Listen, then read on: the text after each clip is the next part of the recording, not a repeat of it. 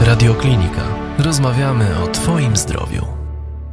Witam serdecznie. Radioklinika gości dziś u pana doktora Adama Markiewicza, ponieważ mówił pan o tym, że tak naprawdę to tylko regularne badania co rok, co dwa lata mogą nam dać jakąkolwiek y, podstawę do tego, żebyśmy się czuli bezpieczni, ale weźmy pod uwagę mm, człowieka, który no, zaniedbał to.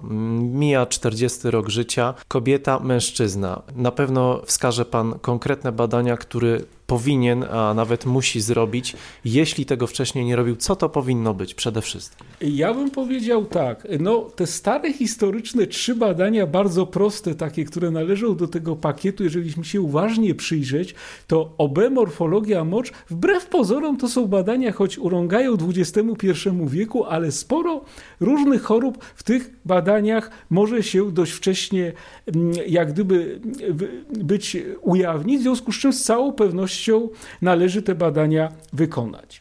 Następnie mówiąc o kolejnych badaniach, które warto wykonać, ja je podzieliłem na, w zasadzie na, na trzy grupy. Prewencja i chorób cywilizacyjnych, prewencja onkologiczna i trzecia grupa wszystko inne. Jeżeli chodzi o choroby cywilizacyjne, to jak gdyby połowa sukcesu to jest regularnie 2-3 razy do roku zmierzyć sobie przy okazji ciśnienie i to już będzie bardzo dużo. Ponadto proponowałbym oznaczyć lipidogram, ale tak jak mówiłem, lipidogram jest sens oznaczać nie częściej niż co roku, bo on się i tak nie zmieni. Co więcej, jeżeli ten lipidogram wyjdzie ewidentnie nieprawidłowy, to jednak zacząć zażywać leki i nie mieć iluzji, że on się poprawi pod wpływem diety lub zmiany stylu życia. Bądźmy realistami. Nikt z nas nie poświęci kilku godzin dziennie na intensywne ćwiczenia fizyczne, ani nie zmieni diety tej, którą mamy wysoko przetworzoną w stołówkach, w barach i tak dalej, to co lubimy, na dietę człowieka prymitywnego, czyli niegotowane, surowe strączki i różne pędy. No bądźmy realistami. Więc jeżeli lipidogram jest nieprawidłowy, to najprawdopodobniej żadna dieta tego lipidogramu nie, nie e, poprawi. Dalej glukoza na czczo. Jeżeli ktoś ma nadwagę lub jest otyły lub jest obciążenie genetyczne w domu cukrzycą, warto zrobić test doustnego obciążenia glukozą i oznaczyć poziom kreatyniny. To by było w zakresie chorób cywilizacyjnych, choroby układu krążenia, trochę nerki. Nerki są troszkę związane z nadciśnieniem, więc ja tutaj jak gdyby włożyłem do wspólnego, e, do wspólnego mianownika. E, osobom, które mają nieco zasobniejszy portfel, proponowałbym dwa dodatkowe badania, oznaczyć witaminę, poziom witaminy D3. Jest to jak gdyby przedmiot zainteresowania ostatnich kilku lat w całej Europie i cała Europa nic nie robi, tylko oznacza sobie poziom witaminy D3. Jest to o tyle istotne, że w zasadzie 90% populacji polskiej ma niedobory witaminy D3, a suplementacja witaminy D3, choć może nie jest spektakularna, jeżeli chodzi o efekty tego naszym samopoczuciu, ale osoby, które mają prawidłowy poziom witaminy D3 rzadziej chorują na depresję, rzadziej chorują na nowotwory, mniejsze ryzyko wystąpienia cukrzycy, nie mówiąc oczywiście o prewencji osteoporozy wieku starszym.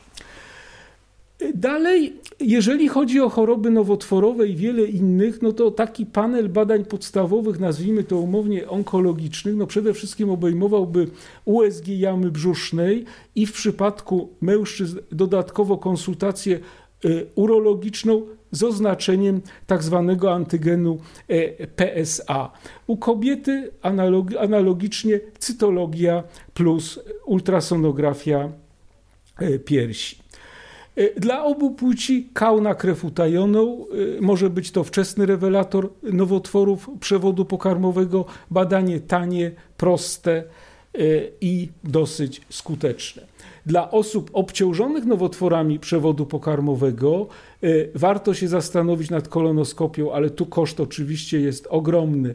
I to badanie należy wykonać z jakiegoś programu finansowanego przez Narodowy Fundusz Zdrowia i te badania są no dość często one się pokazują, no trzeba po prostu śledzić w internecie lub pytać swojego lekarza, czy takie okresowe badania nie są prowadzone.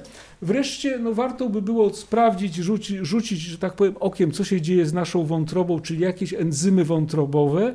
No i dla osób, które, zwłaszcza dla osób, które prowadzą ryzykowny tryb życia w zakresie zachowań seksualnych lub były eksponowane na infekcje wirusowymi zapaleniami wątroby, no warto oznaczyć wirus, antygeny wirusowego zapalenia wątroby BC, rozważyć, e, rozważyć e, badanie w kierunku HIV. No i to by było tyle. Przy dobrej organizacji badanie krwi, moczu i stolca to jest pójście rano do E, laboratorium, oddanie krwi, zrobienie USG można sobie umówić teoretycznie chwilę później, czyli zakładam, że badania laboratoryjne będą kosztowały około 100 zł, USG 150 zł, USG około 100 zł, razem w kwocie 200 zł jest całkiem e, przyzwoity panel, panel badań. Jeżeli one wyjdą e, w miarę prawidłowo, to po, tym, po roku być może z części badań można zrezygnować, być może osoba zdrowa nie musi tego USG robić co roku. Natomiast tego urologa i badanie, e, profilaktykę chorób nowotworowych u kobiet, no, proponowałbym jednak co roku robić. Panie doktorze, na koniec zapytam jeszcze e, z pańskiego doświadczenia, czym różni się, e, patrząc na organizm e, i jego stan zdrowia, 40-latek Anno Domini 2015 od tego sprzed 10, 20 i 30 lat? Czy można powiedzieć o tendencji, problemach, które kiedyś były, teraz ich nie ma, albo kiedyś ich nie było, teraz są albo się nasilają? Ja bym powiedział tak.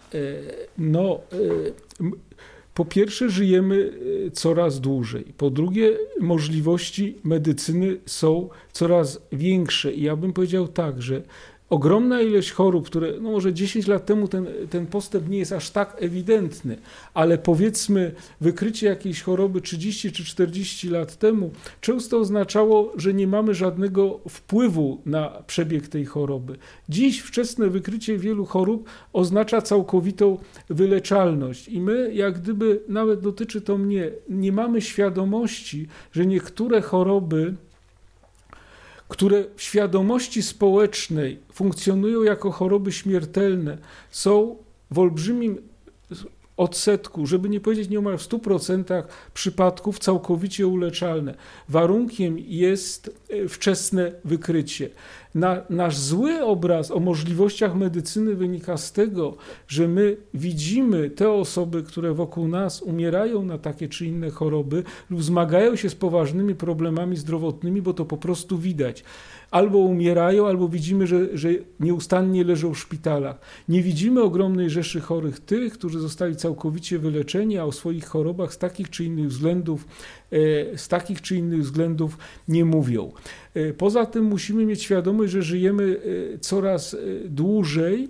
Co więcej, jak gdyby doświadczenia ostatnich lat pokazują, że medycyna może e, coraz więcej i tak naprawdę nie wiemy, co będzie mogła za 10 czy 20 lat. Reasumując, myślę, że, że te badania warto zrobić, no nie tylko po to, żeby dłużej żyć, nie tylko po to, żeby żyć większym komforcie, ale powiedziałbym tak, no, że utrata zdrowia to również utrata możliwości zarobkowania, a powoli w tym w tym komercjalizującym się świecie, gdzie pieniądz e, odgrywa coraz większą rolę, e, może właśnie warto zrobić te 200, zainwestować te 200 czy 300 zł nie dla własnego zdrowia, czy nie dla własnego komfortu, ale może jako inwestycja dla rodziny czy dzieci, żeby e, to utrzymanie było możliwie jak najdłuższe. Czyli nie traktować tego jako wydatek dla komfortu czy wydatek dla własnej pustej potrzeby długiego życia, tylko jako wydatek inwestycyjny na to, żeby ten zakład przemysłowy, który człowiek jest sam dla siebie, mógł możliwie długo i sprawnie funkcjonować, również z pożytkiem dla własnej rodziny. I tego wszystkim e, życzymy. Bardzo dziękuję Panie doktorze za poświęcony czas. Dziękuję Państwu, dziękuję Panie redaktorze. Do widzenia.